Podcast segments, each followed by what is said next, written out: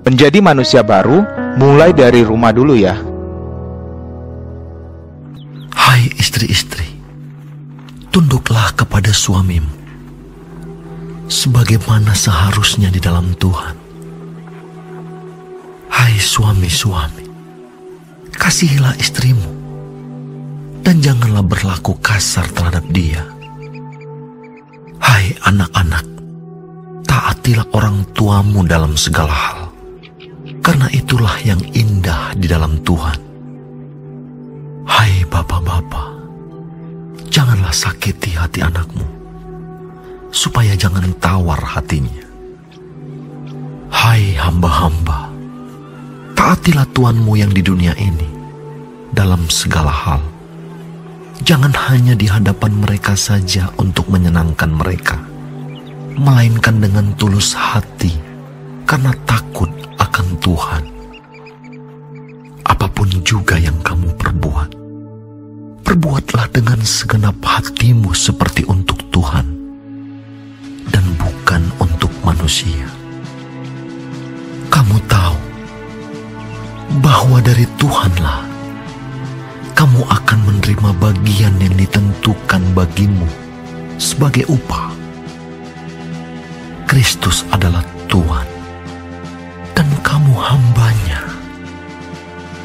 Barang siapa berbuat kesalahan, ia akan menanggung kesalahannya itu. Karena Tuhan tidak memandang orang. Hai Tuhan-Tuhan, berlakulah adil dan jujur terhadap hambamu. Ingatlah, kamu juga mempunyai Tuhan di surga di dalam sebuah pertemuan kelas di sebuah seminari, ada seorang dosen yang bertanya kepada para mahasiswa teologi tingkat akhir, apakah ada contoh keluarga yang sempurna dalam Alkitab? Kalau ada, keluarga siapa?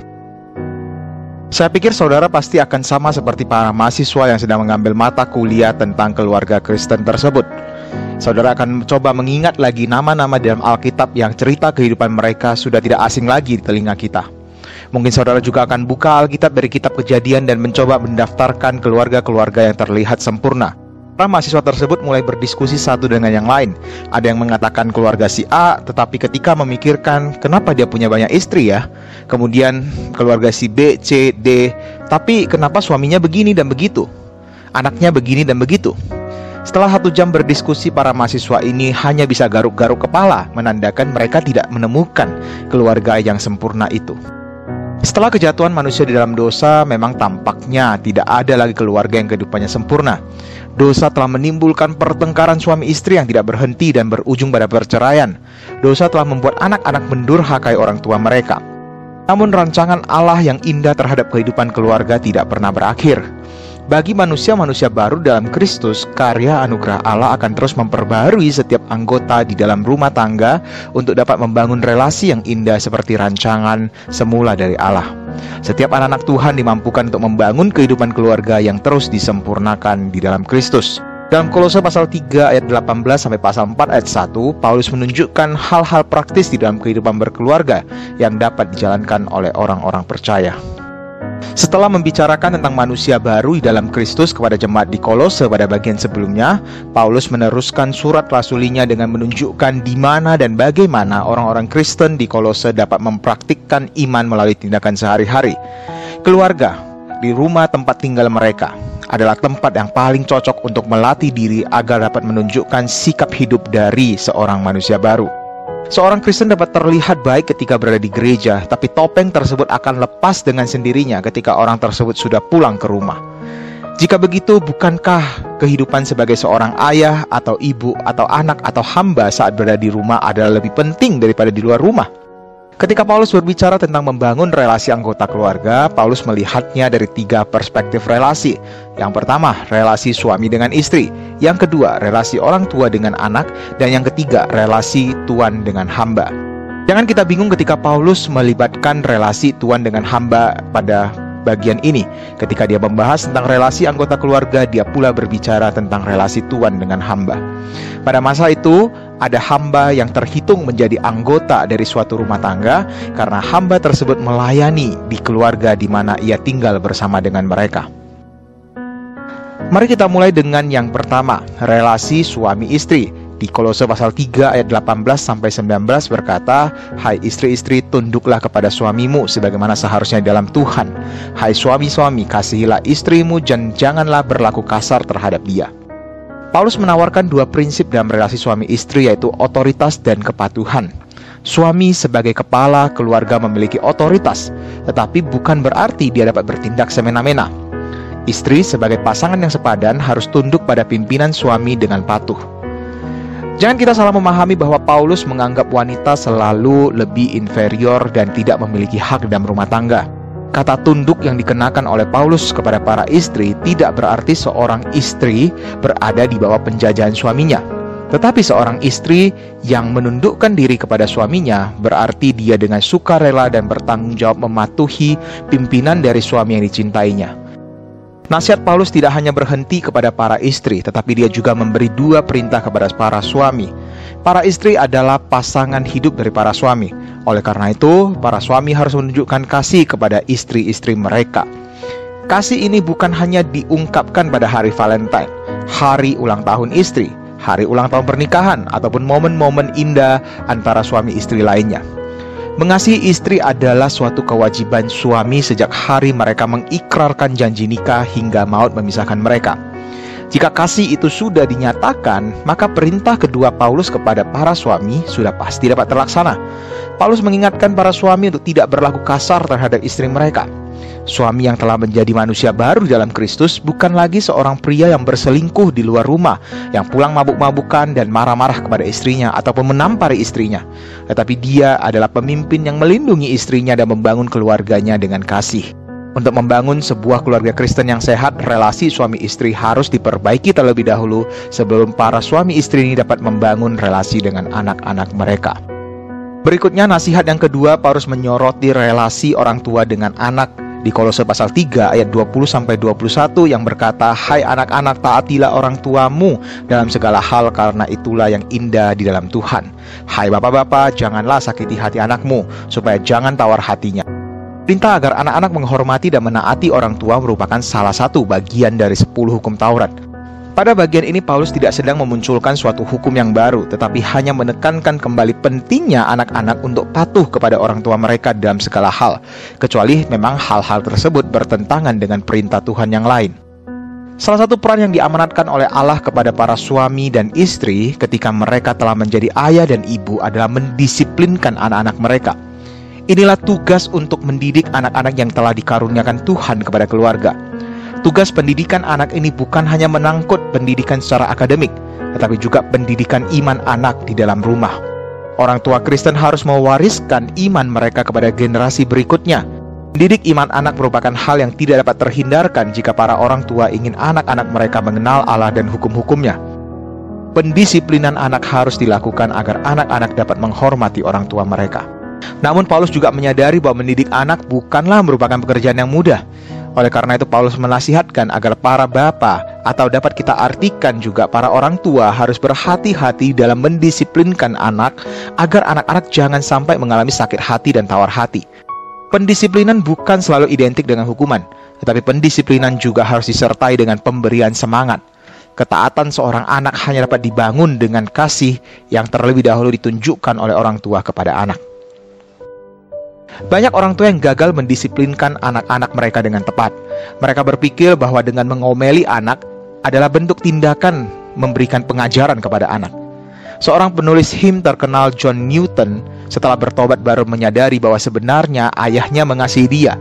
Tetapi kasih ayahnya itu tidak diwujudkan dengan cara yang tepat sehingga menimbulkan sakit hati baginya selama ini. Mengajari anak-anak perlu dilakukan dengan konsisten, bukan hanya pada saat anak sudah mengalami masalah, baru dimarahin habis-habisan. Jangan sampai anak-anak merasa bahwa orang tua mereka baru hadir ketika ada problem, sehingga tidak jarang kita menemukan kasus anak-anak yang sengaja membuat onar untuk mencari perhatian orang tua mereka. Relasi orang tua dan anak dapat terbangun setiap hari. Pengajaran orang tua kepada anak dapat dicicil melalui percakapan sehari-hari. Orang tua dapat membicarakan pendisiplinan itu dengan alasan yang logis dan landasan firman Tuhan untuk membantu anak-anak bertumbuh menjadi manusia yang baru di dalam Kristus. Di bagian yang terakhir, Paulus mengingatkan jemaat di Kolose tentang relasi antara Tuhan dan para hamba. Kaum hamba atau bisa dikatakan budak memang hanya dipandang sebelah mata pada saat itu karena mereka telah dibeli oleh tuannya dan nasib mereka ada di tangan tuannya. Mereka harus mengabdi kepada sang tuan dan anggota keluarga seumur hidupnya.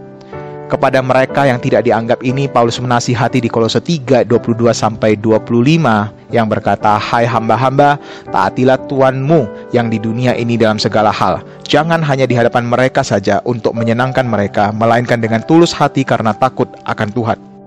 Apa pun juga yang kamu perbuat, perbuatlah dengan segenap hatimu seperti untuk Tuhan dan bukan untuk manusia. Kamu tahu bahwa dari Tuhanlah kamu akan menerima bagian yang ditentukan bagimu sebagai upah. Kristus adalah Tuhan dan kamu hambanya. Barang siapa berbuat kesalahan, ia akan menanggung kesalahannya itu karena Tuhan tidak memandang orang.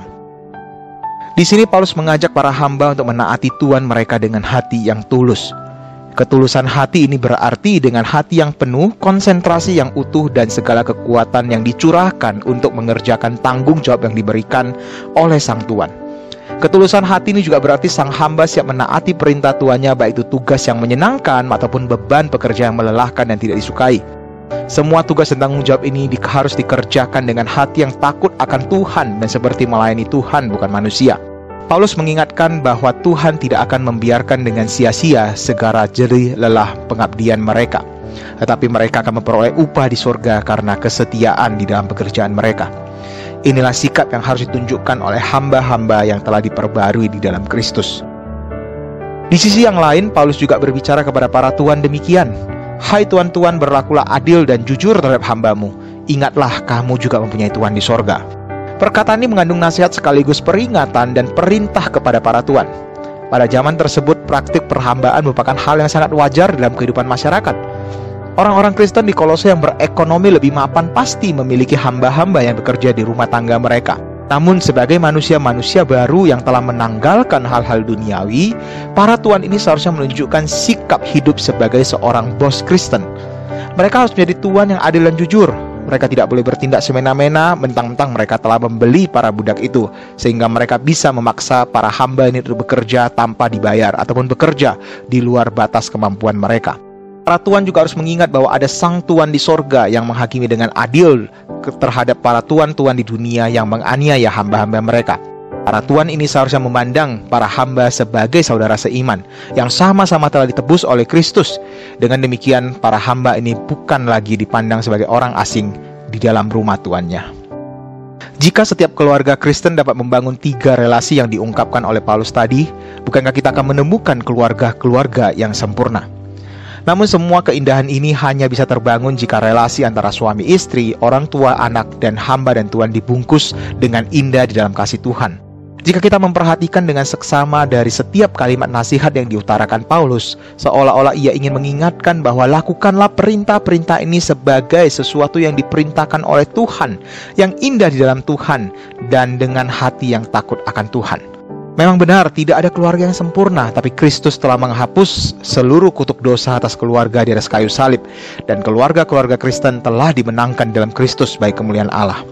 Tanpa karya anugerah Tuhan, tidak mungkin seorang suami, seorang istri, seorang ayah, seorang ibu, seorang anak, dan seorang hamba sekalipun dapat menjalankan peran mereka sebagaimana yang dikehendaki oleh Tuhan. Tulisan Paulus dalam perikop ini tampak seperti nasihat-nasihat klise yang pastinya sudah sering kita dengarkan. Namun ada hal yang menarik yang perlu kita perhatikan dari tensa di dalam setiap kalimat perkataan Paulus. Di dalam bahasa asli Alkitab, Paulus menulis dengan menggunakan present tense yang berarti tindakan-tindakan ini harus dilakukan oleh para istri, suami, anak, orang tua, hamba, dan tuan setiap harinya. Apalagi setiap hari kita hidup bersama dengan anggota keluarga kita. Terlebih lagi, kita butuh untuk menunjukkan gaya hidup sebagai manusia baru yang telah dimenangkan oleh Kristus. Bagaimana dengan masing-masing kita dalam relasi dengan anggota keluarga kita? Apakah kita sudah menjadi seorang istri yang tunduk kepada suami sebagai kepala rumah tangga, atau justru suami kita yang tunduk di bawah kontrol kita? Apakah kita sudah menjadi suami yang memimpin keluarga dengan baik, menjadi ayah yang mengasihi dan mendidik anak, atau jangan-jangan karakter suami yang biasa sering muncul di dalam drama-drama seperti selingkuh, menampar istri, memukul anak adalah gaya hidup kita? Apakah kita sudah menjadi anak-anak yang taat dan hormat pada papa mama atau jangan-jangan kita hanya menganggap orang tua sebagai radio rusak yang bunyinya tidak berhenti dan kita tidak menghiraukan satupun perkataan pengajaran mereka? Apakah kita sudah memperlakukan asisten rumah tangga yang melayani kita di rumah dengan baik? Ada seorang pebisnis Kristen yang juga adalah pemerhati keluarga dan parenting. Dia dan istrinya mendedikasikan diri untuk melayani keluarga-keluarga di Indonesia sejak beberapa tahun yang lalu. Mereka bukan hanya mengajarkan tentang prinsip-prinsip kehidupan keluarga Kristen, mereka juga mempraktikkannya dalam relasi suami istri dan anak-anak mereka. Di dalam sebuah seminar tentang keluarga Kristen, pasangan suami istri ini mengakui dengan terbuka bahwa sebagai pembicara seminar yang sering diundang orang, mungkin para peserta memandang mereka sebagai papa mama, sebagai suami istri yang berhasil membangun keluarga yang sempurna tetapi dengan penuh kerendahan hati mereka mengakui ketidakberdayaan mereka untuk melakukan semua itu tanpa Tuhan. Pembelajaran tentang relasi antar anggota keluarga adalah hal yang perlu direpetisi setiap hari. Kita juga butuh pertolongan Roh Kudus untuk terus memperbarui hati manusia baru kita agar kita dapat membangun relasi antar anggota keluarga yang memuliakan nama Tuhan.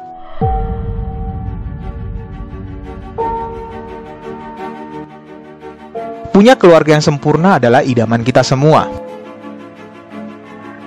Tetapi adalah fakta juga bahwa dosa telah merusak tatanan indah atas keluarga. Hanya Kristus yang dapat memperbarui relasi dalam keluarga. Marilah kita juga terus membangun relasi dengan semua orang di dalam rumah kita.